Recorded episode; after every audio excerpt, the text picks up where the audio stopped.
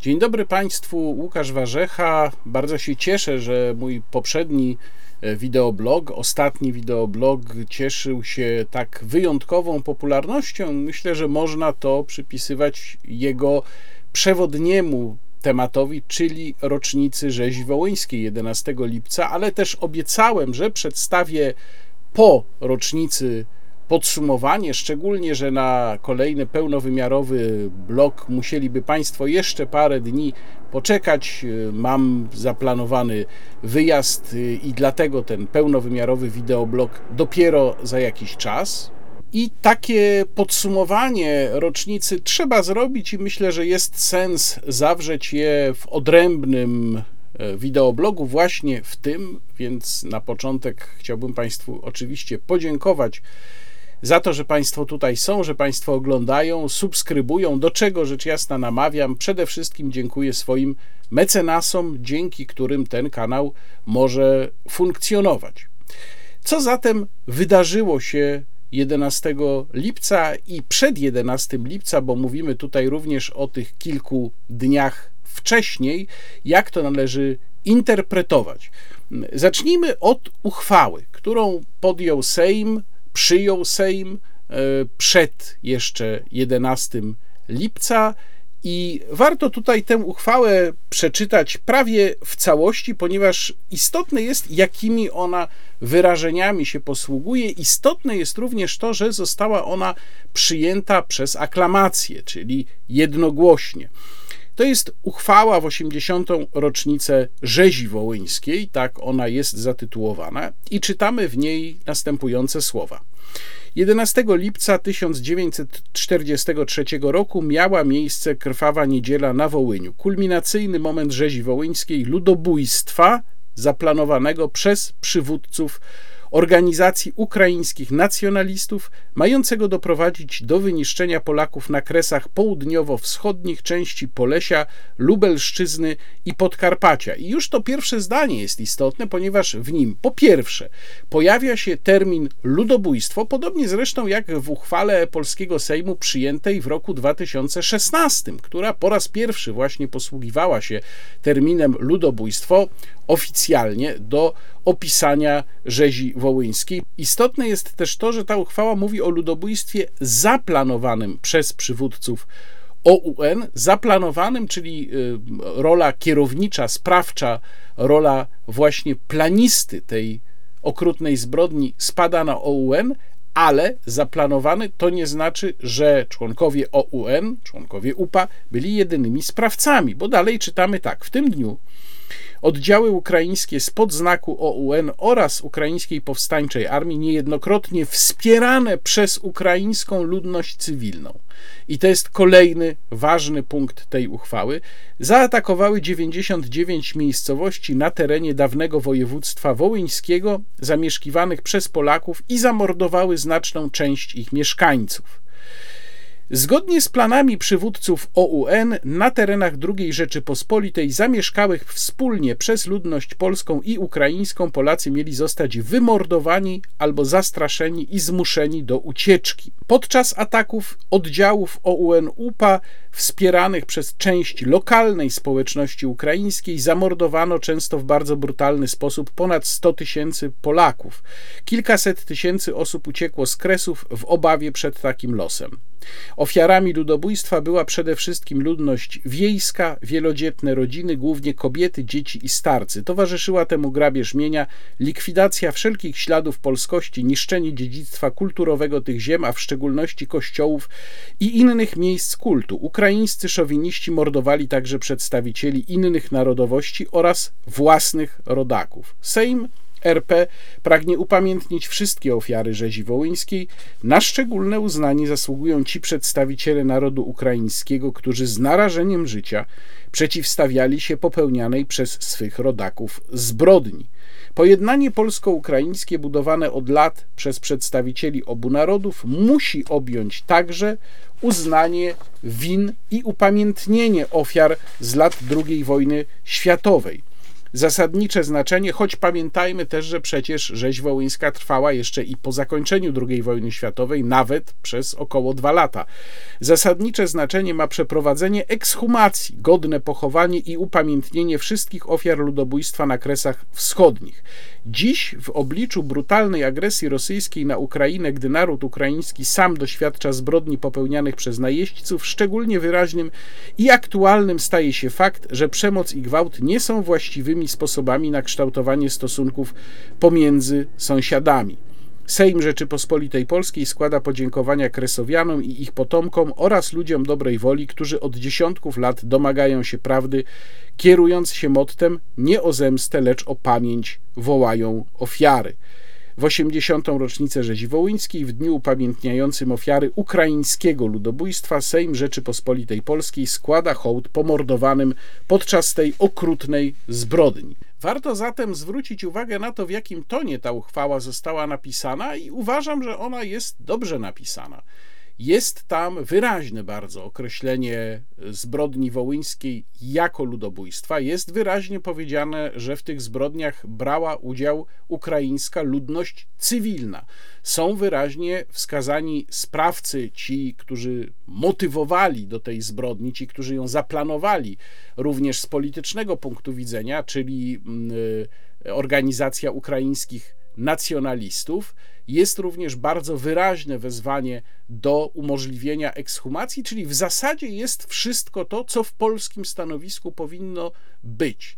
I takie stanowisko wyrażone przez uchwałę polskiego Sejmu powinno być, to jest ważne teraz, co mówię z punktu widzenia tego, co nastąpiło w ostatnich dniach, powinno być dla wszystkich polskich polityków, dla wszystkich przedstawicieli polskiego państwa wiążące. Oczywiście uchwała Sejmu nie ma mocy wiążącej, ona nie jest poleceniem wydawanym komukolwiek.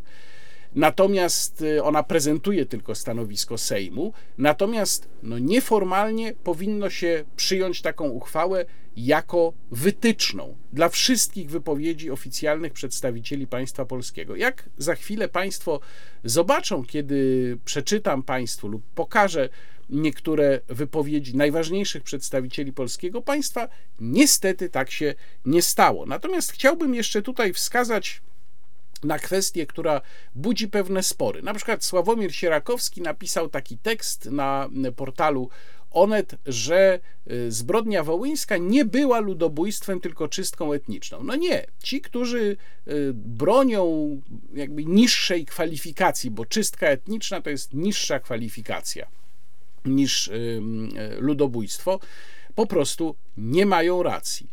Przypomnę tutaj, że termin ludobójstwo został sformułowany, został wynaleziony mm, jako genocide E, przez e, e, żydowskiego prawnika pochodzenia polskiego, Rafała Lemkina, który po II wojnie światowej napisał fundamentalną pracę na ten temat i również był głównym inicjatorem, architektem konwencji w sprawie zapobiegania i karania zbrodni ludobójstwa, konwencji przyjętej w roku 1948 w Paryżu przez Zgromadzenie Ogólne Narodów Zjednoczonych.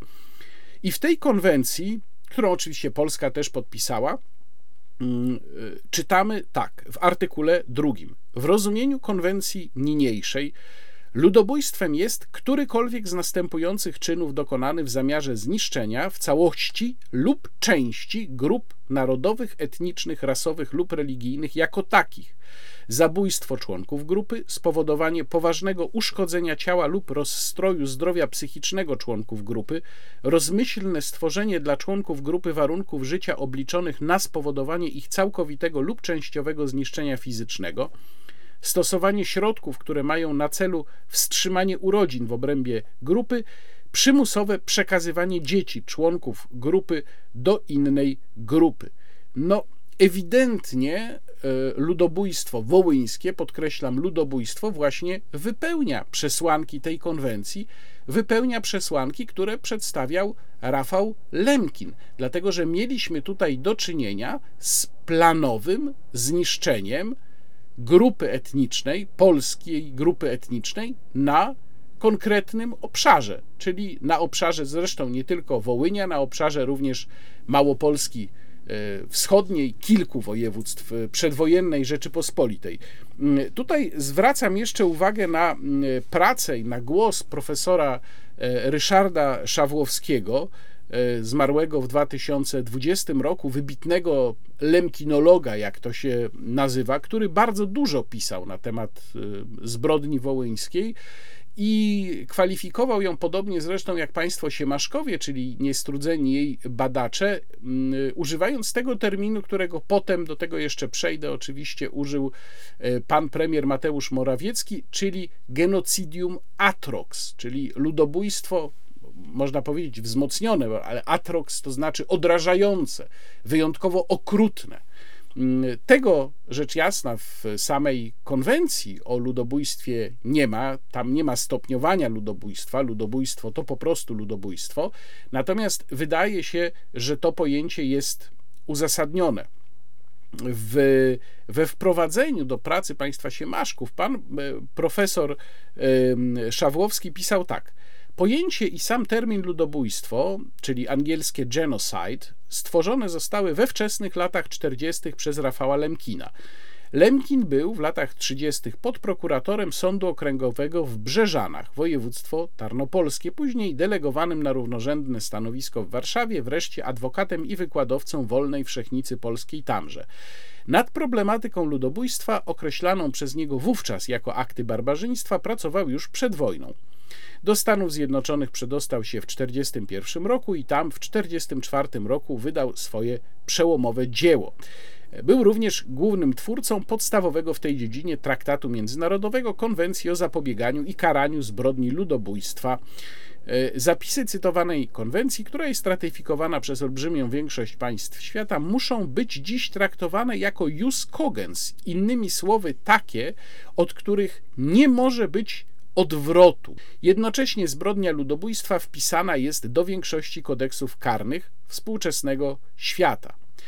I e, pan profesor Szawłowski argumentował, zresztą nie tylko w tym tekście, że właśnie ludobójstwo na kresach wypełnia absolutnie znamiona ludobójstwa. Tu znów podkreślam, jak bardzo myli się Sławomir Sierakowski w swoim e, tekście, ale także zwracał uwagę na to, że okrucieństwo związane z tym ludobójstwem, właśnie ta y, wyjątkowa, wyjątkowe dążenie do tego, żeby ofiary cierpiały fizycznie, żeby nie zostały po prostu zamordowane, ale cierpiały fizycznie, to zdaniem profesora Szawłowskiego mm, powodowało, że y, pod tym przynajmniej względem to ludobójstwo przewyższało y, i sowieckie, i niemieckie, gdzie jednak śmierć zadawano stosunkowo szybko, ale też wskazuje na pewną niestety tradycję takiego zachowania, która się ciągnie jeszcze, jak pisze pan profesor Szawłowski, od czasów hajdamackich, gdzie te tortury przy zadawaniu śmierci, no gdzieś tam były po prostu w tę mentalność, dzisiaj powiedzielibyśmy ukraińską, gdzieś tam były głęboko bardzo y, zakorzenione, a mnie też często przychodzi na myśl śmierć świętego Andrzeja Boboli w roku 1657, który to święty Andrzej Bobola został przecież zamordowany przez kozaków i jego opis jego śmierci już nie będę tutaj nim epatował, kto ciekawy to może znaleźć, ale jako żywo przypomina opisy tego, co w roku 1943 i w latach późniejszych Ukraińcy robili Polakom na kresach wschodnich. To oczywiście nie znaczy, i żeby było jasne, ja tu nie chcę mówić, że każdy Ukrainiec nosi w sobie jakiś gen okrucieństwa, bo to po prostu byłoby kompletnie absurdalne stwierdzenie. Natomiast y, no, pewnego rodzaju niestety tradycja takiego bolesnego zadawania śmierci, gdzieś tam ona się ciągnie i nie zaczęła się w latach 40. ubiegłego wieku. Wracam do kalendarium wydarzeń. Najpierw zatem mieliśmy w ostatni piątek wizytę pana premiera w Ostrówkach i postawienie tam słynnego krzyża z patyków, no bo trudno to inaczej określić. I właściwie należałoby powiedzieć, że od tego momentu zaczęła się PR-owa ofensywa tej władzy. No bo mamy rok wyborczy, wiadomo, że nie można było kompletnie zlekceważyć tej rocznicy, chociaż można było sobie wyobrazić i taki wariant, i myślę, że gdyby nie jednak ogromne zainteresowanie, zwłaszcza w części elektoratu PiS, gdyby nie również państwa, tutaj chylę przed państwem głowę, przed moimi widzami, komentarze, gdyby nie widoczny odruch domagania się jakiejś reakcji ze strony polskich władz na to, co się wydarzyło 80 lat temu, to być może rządzący wybraliby ten wariant takiego właściwie kompletnego przemilczenia, który ja uznawałem i tak e, przewidywałem, wariantowo oczywiście, że może się tak zdarzyć, e, jako bardzo prawdopodobny, czyli taki, gdzie jakiś tam drugorzędny przedstawiciel władz państwa pojawia się przed pomnikiem i w ogóle to już tam nie mówmy o tym, bo nie warto. No więc y, można odnieść wrażenie, że y, w tym dialogu polsko-ukraińskim polska strona jednak zdecydowała się bardziej podkreślić y, tę rocznicę, a ukraińska właściwie chyba pozostała właśnie przy tym wariancie. Niedobrze o tym mówić, ale o tym jeszcze za chwilę. Wracam do pana premiera, który w piątek pojawił się w Ostrówkach. Dlaczego w Ostrówkach? No bo właśnie problem polega na tym, że pan premier nie miał za dużo do pokazania, bo chodziło o to, żeby pokazać, że coś się dzieje w tej sprawie. Coś się dzieje w sprawie, która pozostaje chyba najważniejsza, zwłaszcza dla środowisk kresowych, czyli w sprawie przede wszystkim ekshumacji i godnego pochówku ofiar mm, tego ludobójstwa. Nawiasem mówiąc, bardzo ciekawie w kontekście tego, co potem jeszcze pan premier mówił, brzmią wcześniejsze wypowiedzi takich osób jak na przykład pan Radosław Fogiel, który wyskoczył z taką tezą, że ekshumacje to jest naruszanie spokoju e, zmarłym.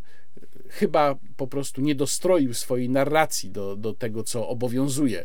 Mm, natomiast y, te ostrówki i późniki, które następnie wspomniał pokazał też na swoim Twitterze pan premier, no wzięły się stąd, że trzeba było sięgnąć po to, co było, a jest po prostu bardzo niewiele. Tu przypominam, Ostrówki i Wola Ostrowiecka to są miejscowości, które zostały, można powiedzieć, spacyfikowane przez oddziały ukraińskiej powstańczej armii, zresztą działające podstępem. Było to pod koniec sierpnia 1940 trzeciego roku. E, tam zginęło blisko 800 osób. Takie są dzisiaj e, szacunki. Ekshumacje odbyły się w Ostrówkach w latach 1992, 2011, 13 i 15 i z tych zaimprowizowanych grobów, no właściwie dołów śmierci wydobyto do tej pory około 750 osób.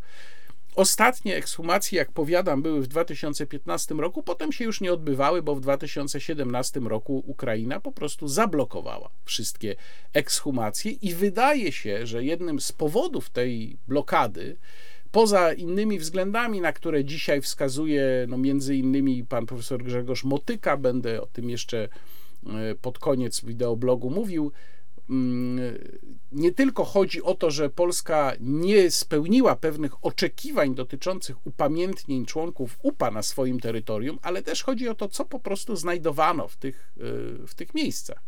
E, zwłoki, szczątki osób dorosłych to jest jedna rzecz, natomiast szczątki dzieci, e, no i z tych szczątków można wywnioskować, jak te osoby zginęły. To robi wrażenie szczególnie porażające i jest po prostu wielkim kłopotem dla państwa ukraińskiego.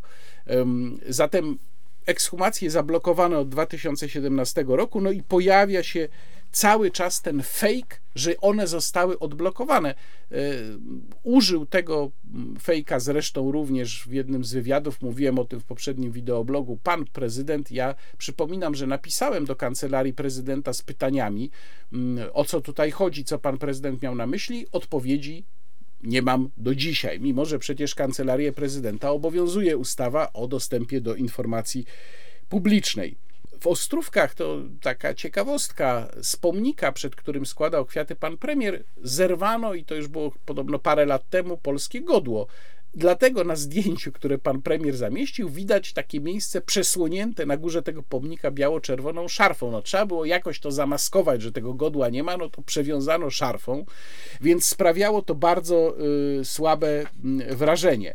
Y, późniki z kolei to jest właśnie ten fake, o którym mówiłem, no bo to jest to jedno zezwolenie na ekshumację, którego państwo ukraińskie udzieliło i to było w drugiej połowie ubiegłego roku. Prace się tam w związku z tym rozpoczęły.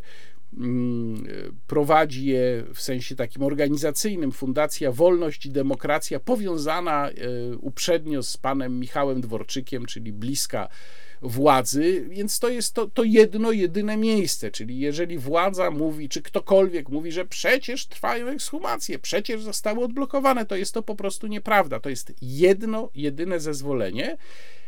I od razu mówię, że jeżeli ktoś miał nadzieję, że coś się zmieni 11 lipca w tej kwestii z, ze strony ukraińskiej, no to się oczywiście pomylił.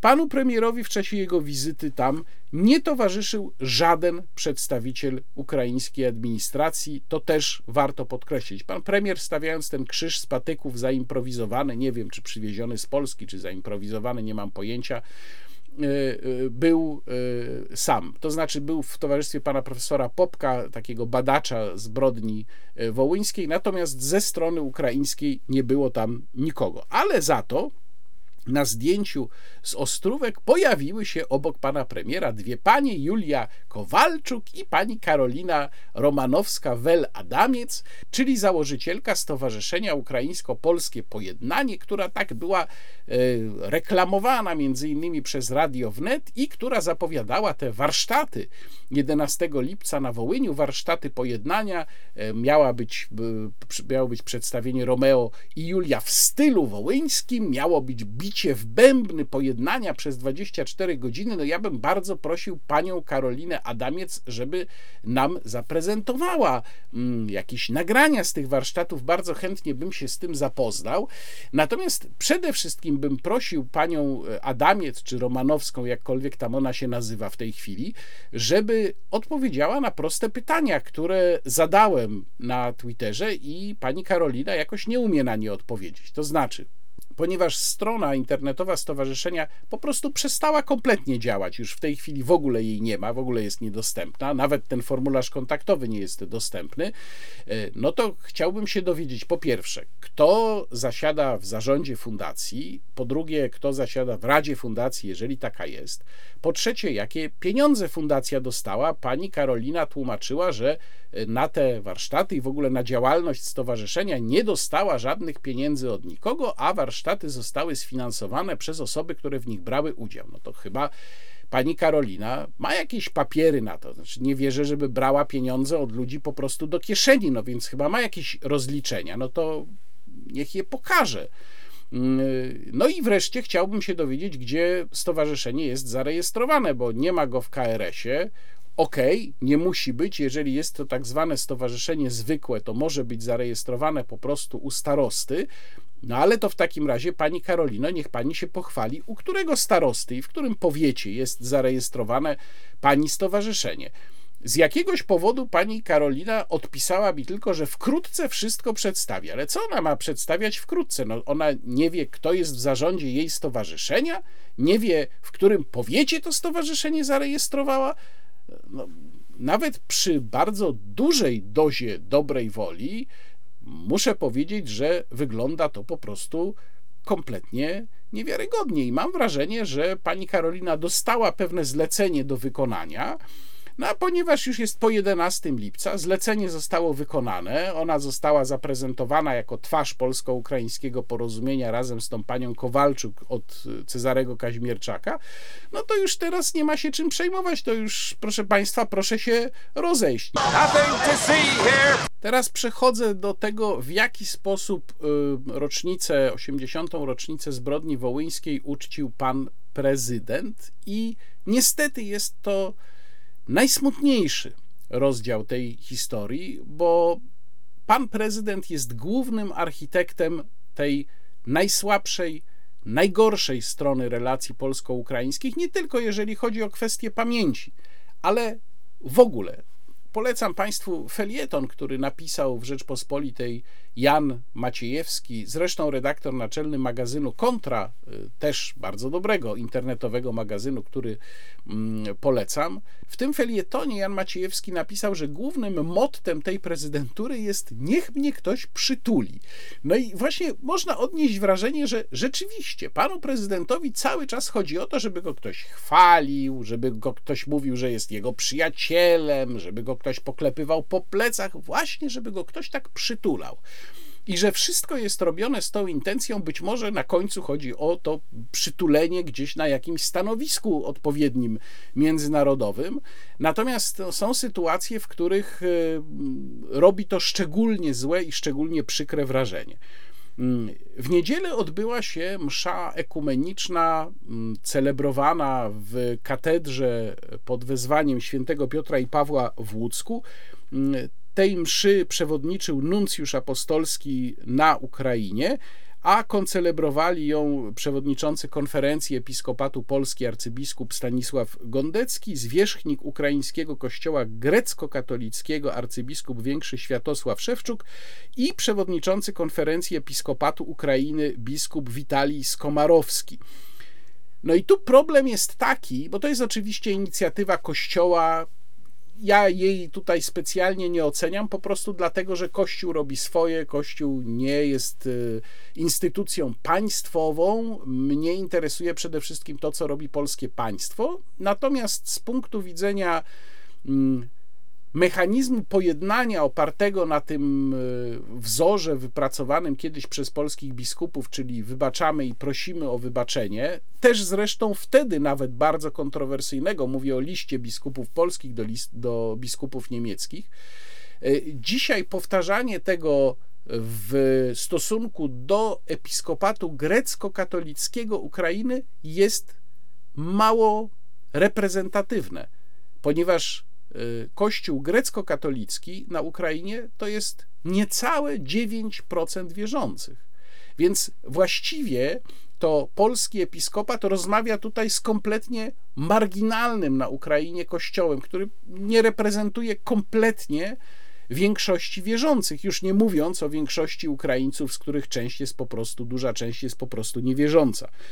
Natomiast y, było wiadomo, że Kościół, polski episkopat planuje te działania od dłuższego czasu i ja mam takie wrażenie, to jest tylko moja publicystyczna hipoteza, to nie jest jakaś, jakiś pewnik, natomiast mam takie wrażenie, że Pan prezydent się z tym swoim spotkaniem z panem prezydentem Zełęńskim w katedrze w Łódzku podłączył i to dosyć późno pod tę inicjatywę kościelną. Nie wiem tego oczywiście na pewno, nie wiem w którym momencie ustalenia zapadły co do obecności obu polityków w tej y, katedrze w Łódzku, ale stawiałbym taką tezę, że ponieważ nie udało się uzgodnić nic innego, ponieważ nie udało się nic innego załatwić, to politycy, zwłaszcza polski prezydent, uznał, że a to się podłączymy pod Kościół. No i się podłączyli pod Kościół. Niestety wypadło to po prostu dla polskiego prezydenta i polskiego państwa tym samym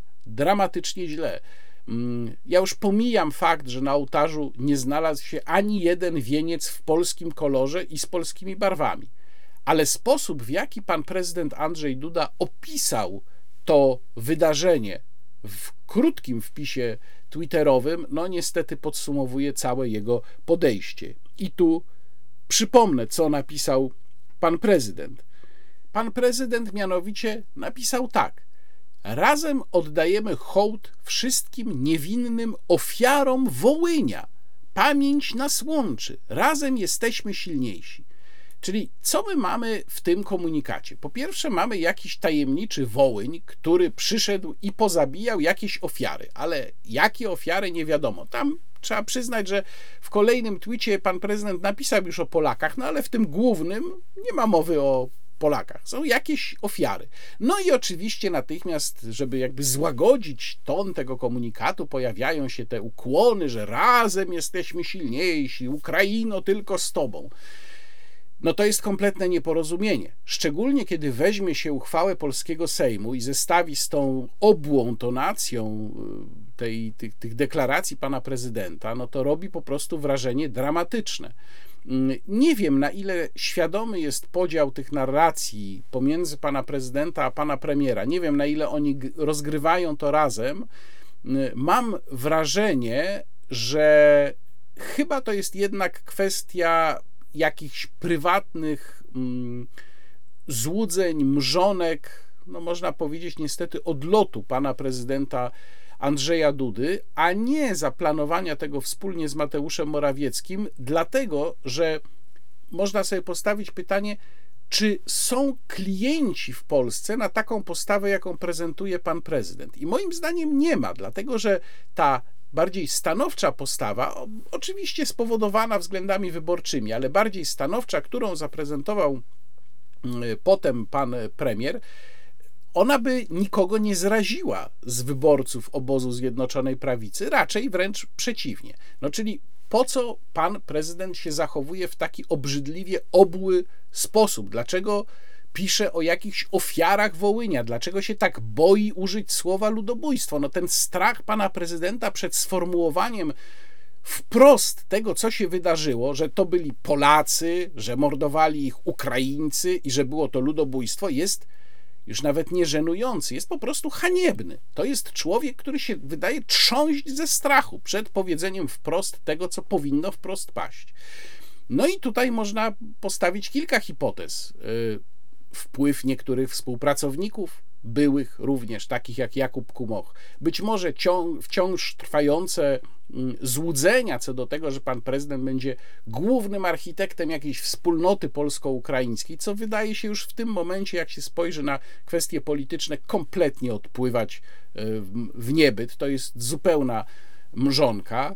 Mm, no bo przecież chyba pan prezydent też nie sądzi na serio, że gdyby w ten sposób ujął te sprawy, to spowodowałoby to jakiś rozpad relacji polsko-ukraińskich? Oczywiście, że nie. Czy to by spowodowało y, klęskę Ukrainy w wojnie z Rosją? Oczywiście, że nie.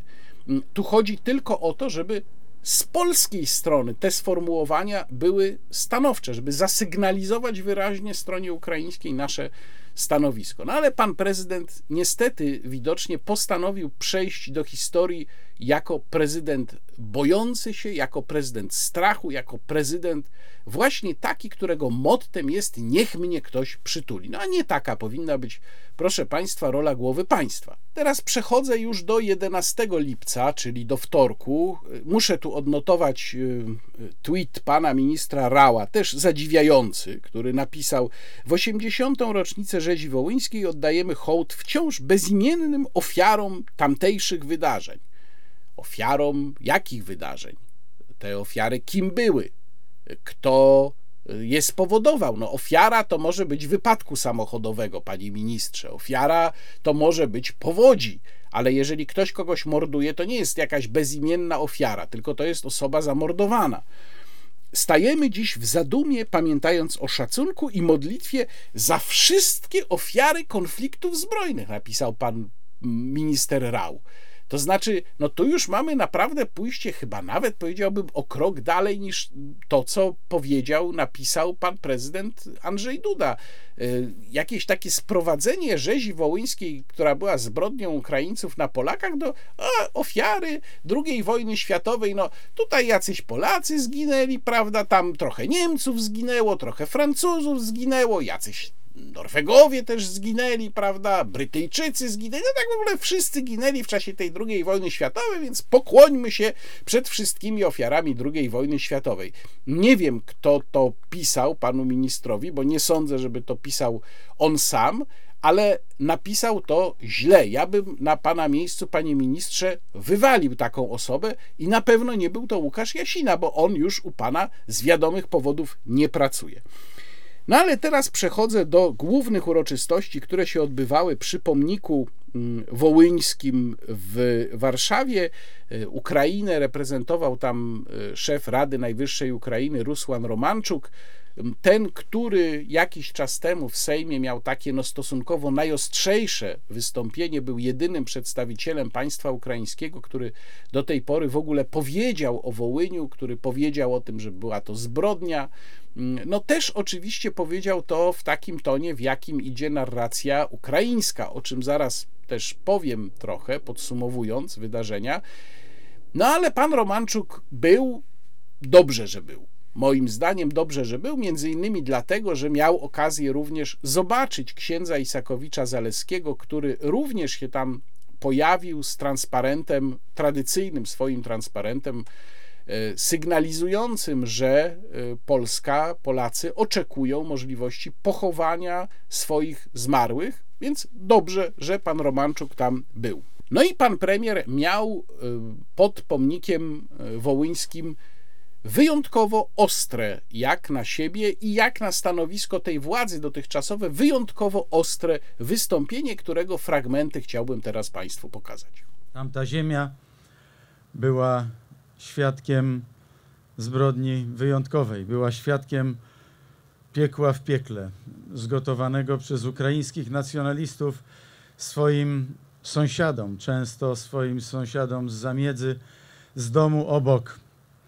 Dlatego nie stała za tą zbrodnią bezduszna machina państwowa, lecz właśnie ludzie, którzy w swojej nienawiści skierowali się przeciw tym, z którymi żyli przez lata, przez dekady, przez wieki.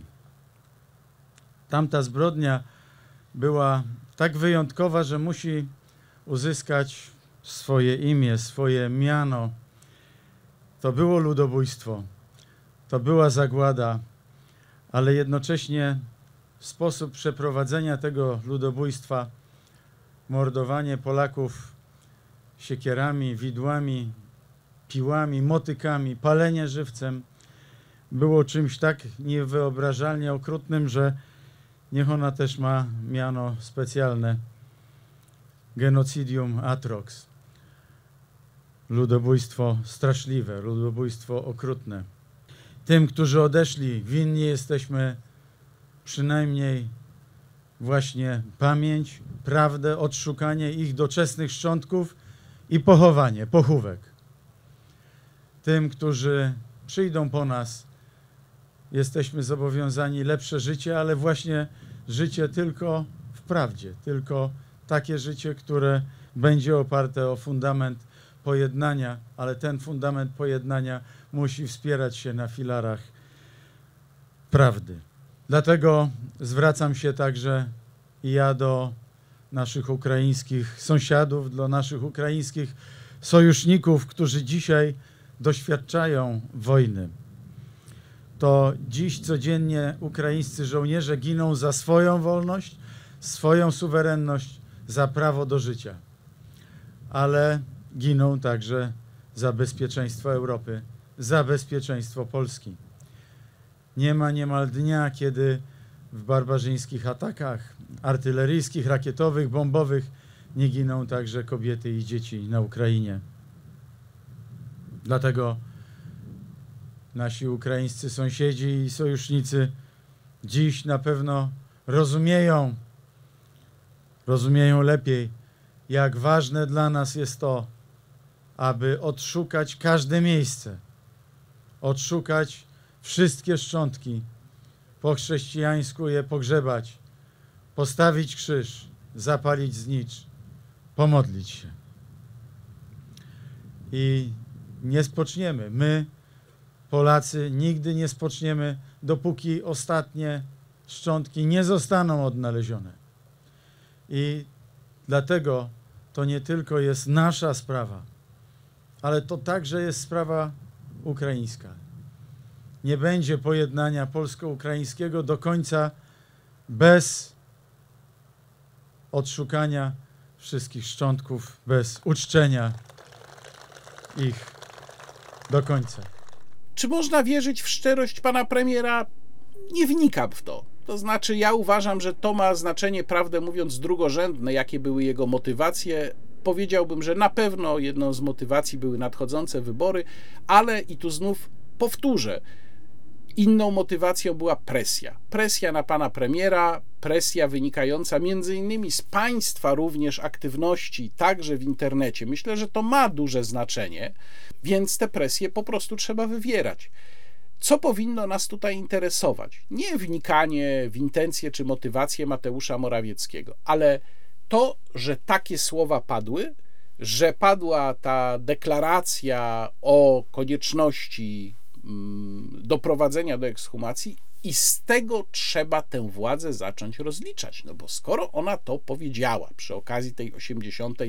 rocznicy, no to proszę bardzo, przecież to są tylko słowa. No to teraz czekamy na czyny. To znaczy, nie wystarczy tylko powiedzieć, jeżeli pan premier mówi, że nie spocznie, póki nie doprowadzi do tego, yy, aż wszyscy Polacy zostaną pochowani, ekshumowani i pochowani. Oczywiście wiemy, że to jest, no tu mówimy o 100 tysiącach, ponad 100 tysiącach ludzi, czyli yy, jeżeli założymy, że zdecydowana większość z nich wciąż w tych bezimiennych grobach leży, no to to jest praca oczywiście na lata no ale ona się musi zacząć. Zacząć się musi od tego, że Ukraina odblokuje te ekshumacje, czyli czekamy, panie premierze, teraz na rezultaty.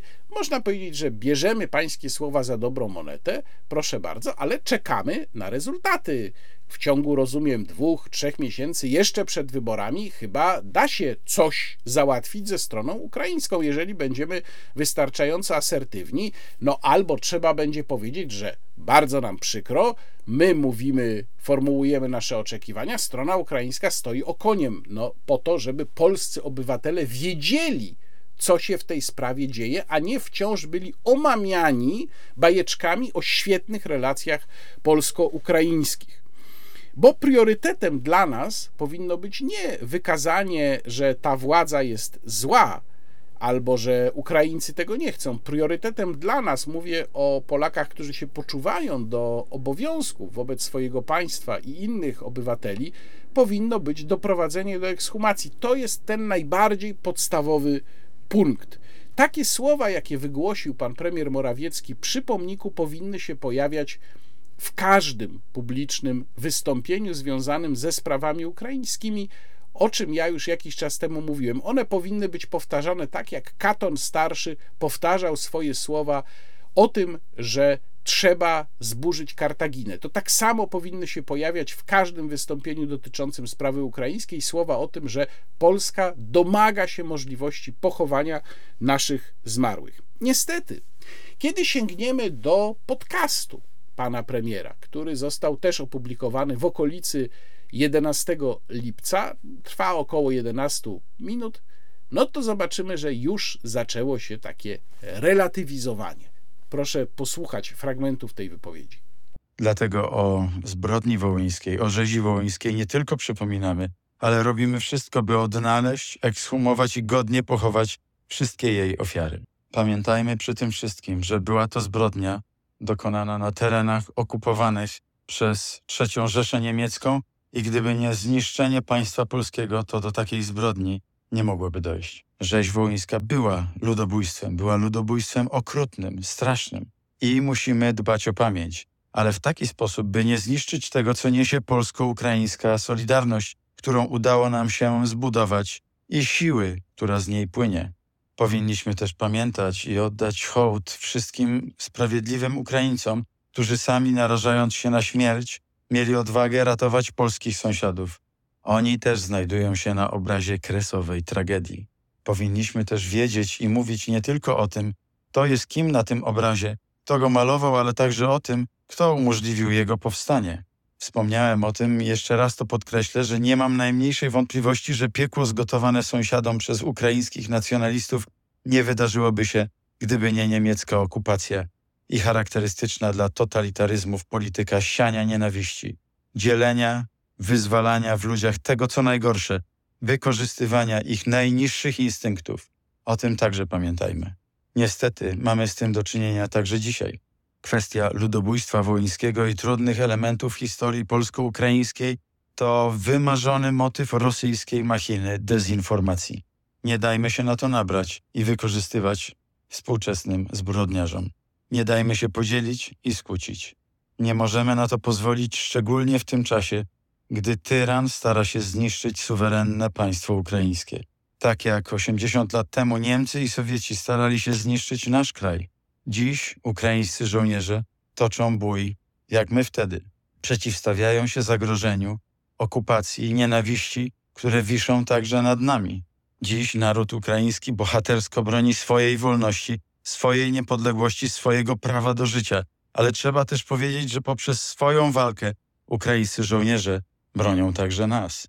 Bronią Polski, bronią Europy. Mamy w niej rzeczywiście powtórzenie tego, czy właściwie może odwrotna była kolejność, bo podcast był nagrany najpierw, czyli pod pomnikiem pan premier powtórzył pewne rzeczy, które mówił w podcaście dotyczące okrucieństwa tego ludobójstwa, tego, że to było ludobójstwo. Wszystko to się w tym podcaście pojawia, ale pojawiają się elementy, których pod pomnikiem, w wystąpieniu pod pomnikiem nie było. Czyli po pierwsze, relatywizacja na takiej zasadzie, że ale winni to byli Niemcy, bo zaczęli II wojnę światową i postawili oba narody w takiej, a nie innej sytuacji. No, ale przepraszam bardzo, to jednak nie Niemcy inspirowali ideologię organizacji ukraińskich nacjonalistów. E, to Stepan Bandera podjął de facto współpracę z Niemcami. To Ukraińcy postanowili z Niemcami współpracować i to Ukraińcy nie z motywacji niemieckich, tylko własnych, postawili na agresywny, bandycki nacjonalizm, bo tu trzeba też przypomnieć, że Stepan Bandera był po prostu bandytą. To był bandyta, który mm, uznał terroryzm za zupełnie normalną metodę działania. Więc, no, przepraszam bardzo, ale oczywiście Niemcy są winni II wojny światowej. Pewien bardzo, bardzo pośredni sposób są winni temu, co się wydarzyło, no bo pewnie gdyby polskie państwo nie zostało zniszczone, no to by też do tej zbrodni nie doszło. Ale naprawdę obarczać ich winą w jakikolwiek sposób bezpośrednią za zbrodnie Ukraińców na Polakach, no to jest jakieś nieporozumienie. Mamy stwierdzenie oczywiście tego, że Rosjanie na tej zbrodni żerują, że ją wykorzystują. Jasne, że tak. Ja też nie mam wątpliwości, że dużo jest w sieci rosyjskich troli, które próbują wykorzystywać tę sprawę. No ale to kto może temu zapobiec? Jeżeli temu trzeba zapobiec, to mogą to zrobić Ukraińcy, bo to piłka jest po ich stronie, żeby tę bombę rozbroić. Mamy wreszcie rytualne pokłony przed obecnym ukraińskim bohaterstwem w tej wojnie i mamy wreszcie stwierdzenie, że rząd robi wszystko, co możliwe, żeby tę sprawę załatwić. No dobrze, ale tak konkretnie, panie premierze, to co właściwie rząd robi, żeby tę sprawę załatwić? Bo myślę, że skoro jesteśmy po rocznicy 11 lipca 80, skoro widzimy, że ze strony ukraińskiej nie wydarzyło się kompletnie nic, to może pora podzielić się z polskimi obywatelami informacją, co mianowicie konkretnie rząd w tej sprawie robi. Wreszcie można zapytać o program pozytywny. Ja taki program pozytywny sformułowałem, wstawiłem go na Twittera. Tutaj Państwu przeczytam, bo on jest bardzo prosty. Po pierwsze, potwierdzone umową międzynarodową polsko-ukraińską, międzypaństwową zezwolenie na ekshumację. To jest podstawa.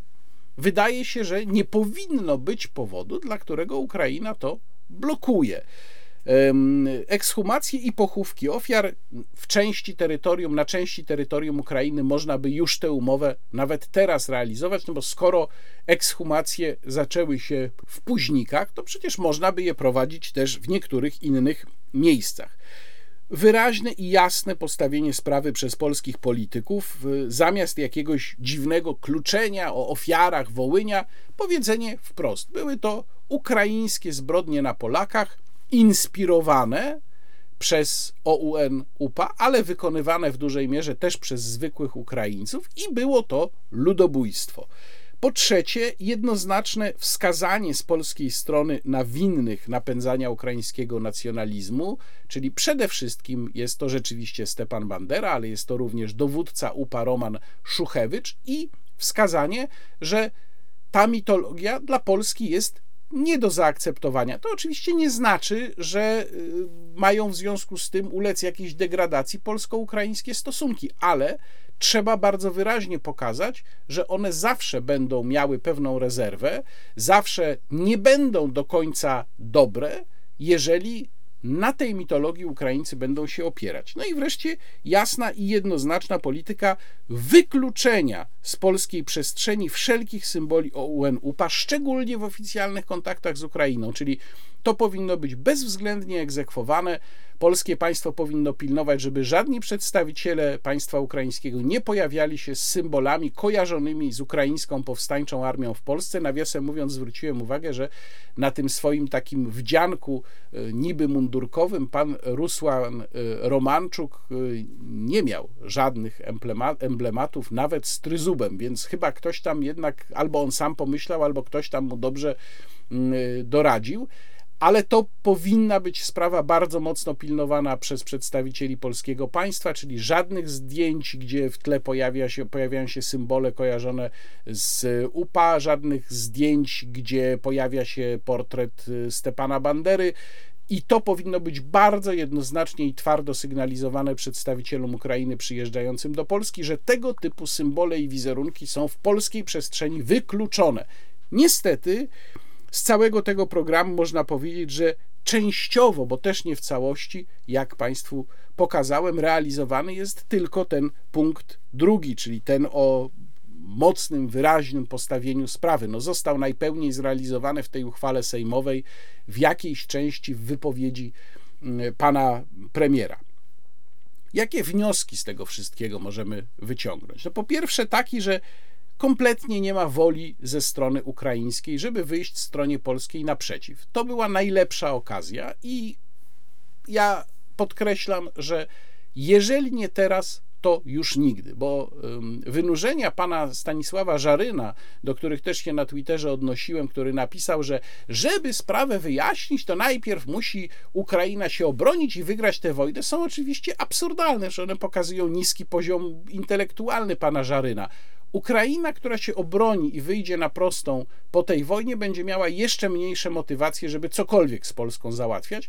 A już teraz, i to jest drugi wniosek, powinniśmy mieć tę pełną świadomość, że to jest sprawa, na której zależy tylko i wyłącznie nam.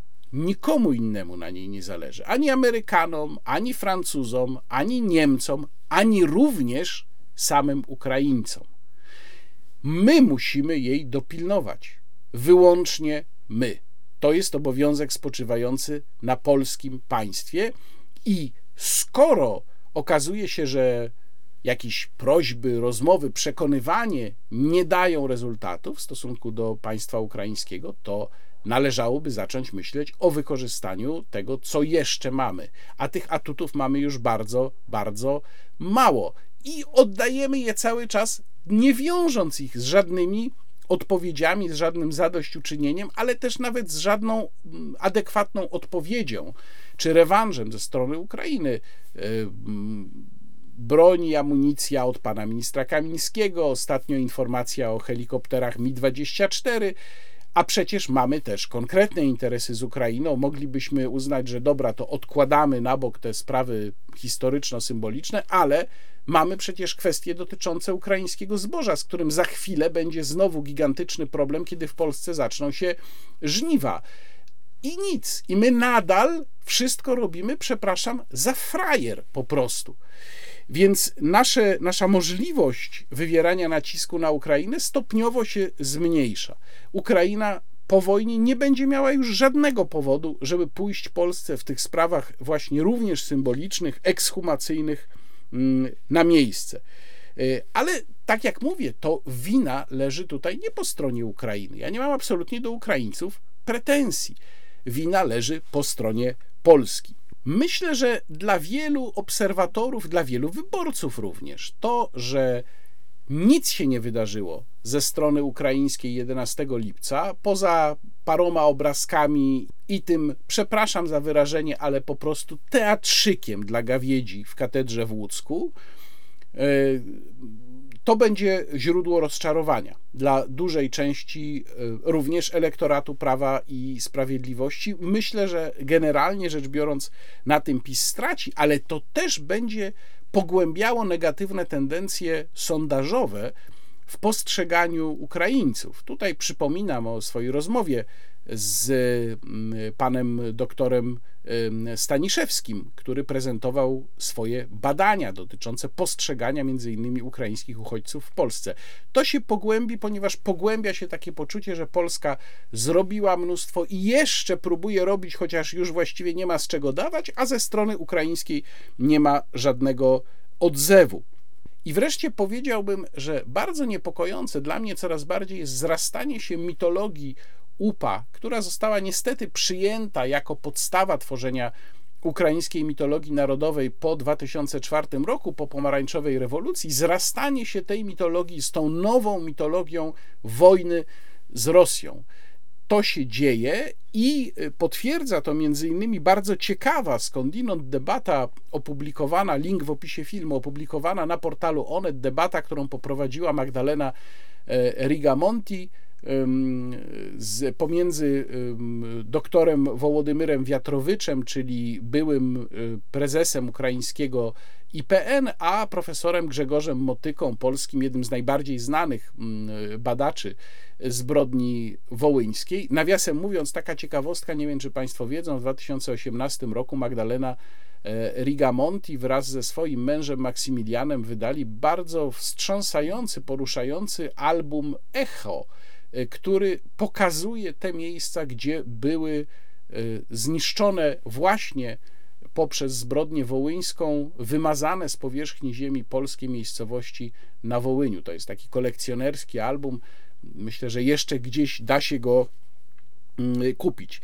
Otóż pan e, doktor Wiatrowicz forsuje w tej rozmowie narrację o symetrii. Ta narracja o symetrii tych zbrodni, czyli że była to wojna, walka była między UPA a AK, po obu stronach były zbrodnie, no ofiar rzeczywiście było więcej po stronie polskiej, ale właściwie to tak, no po prostu strzelaliśmy do siebie.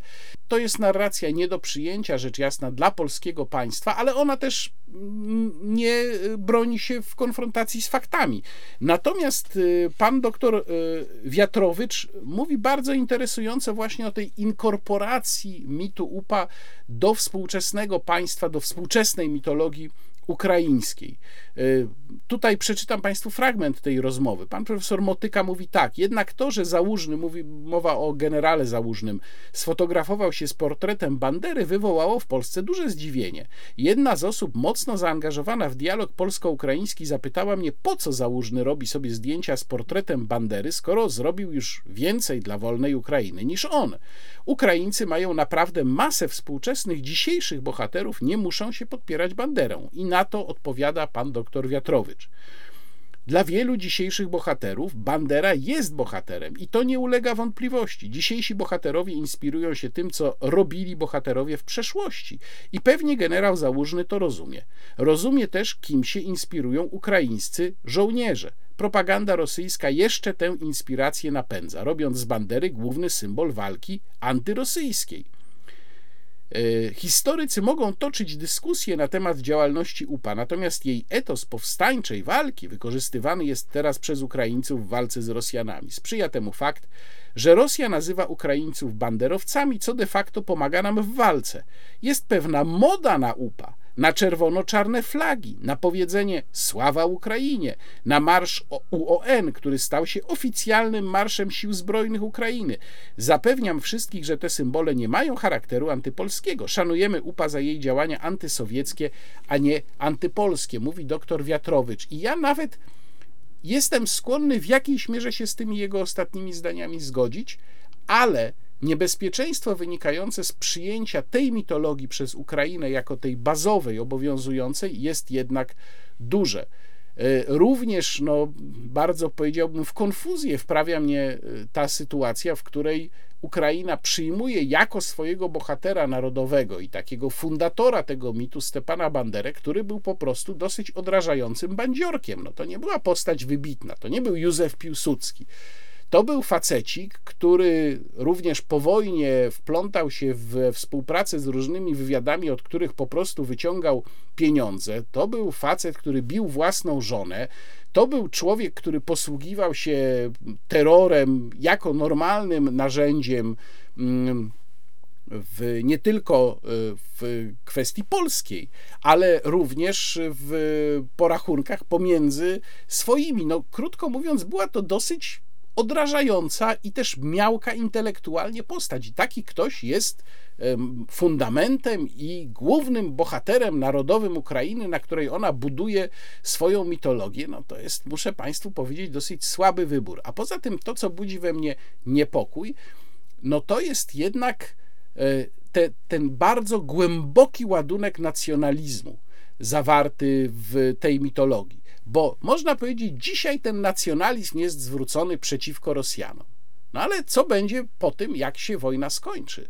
jaka będzie ta Ukraina budowana na tym fundamencie nacjonalistycznym. Ukraina ma wielkie ambicje, żeby wejść do Unii Europejskiej. No kiedyś z polskiej strony przecież padło, ze strony Jarosława Kaczyńskiego padło stwierdzenie, z banderą do Unii Europejskiej nie, wejdzie, nie wejdziecie i rzeczywiście wtedy to było słuszne stwierdzenie państwo budowane na ideologii, na mitologii ideologii nacjonalistycznej, skrajnie nacjonalistycznej, nie powinno wejść z taką ideologią do Unii Europejskiej. Być może w przyszłości ta ideologia przybierze inny kierunek niż teraz. To jest właśnie ten motyw, ten wątek, który mnie najbardziej w, tym, w tych wnioskach z 11 lipca mm, niepokoi.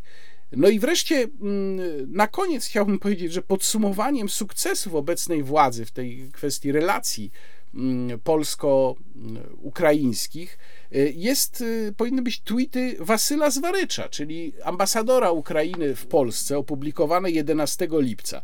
I tam pan ambasador Zwarycz napisał tak. 11 lipca solidarnie z narodem polskim dziś oddaje hołd wszystkim cywilnym ofiarom, obywatelom II RP pomordowanym na okupowanych przez III Rzeszę terenach w latach II wojny światowej. Pomordowanym przez kogo, panie ambasadorze? Przez Marsjan może?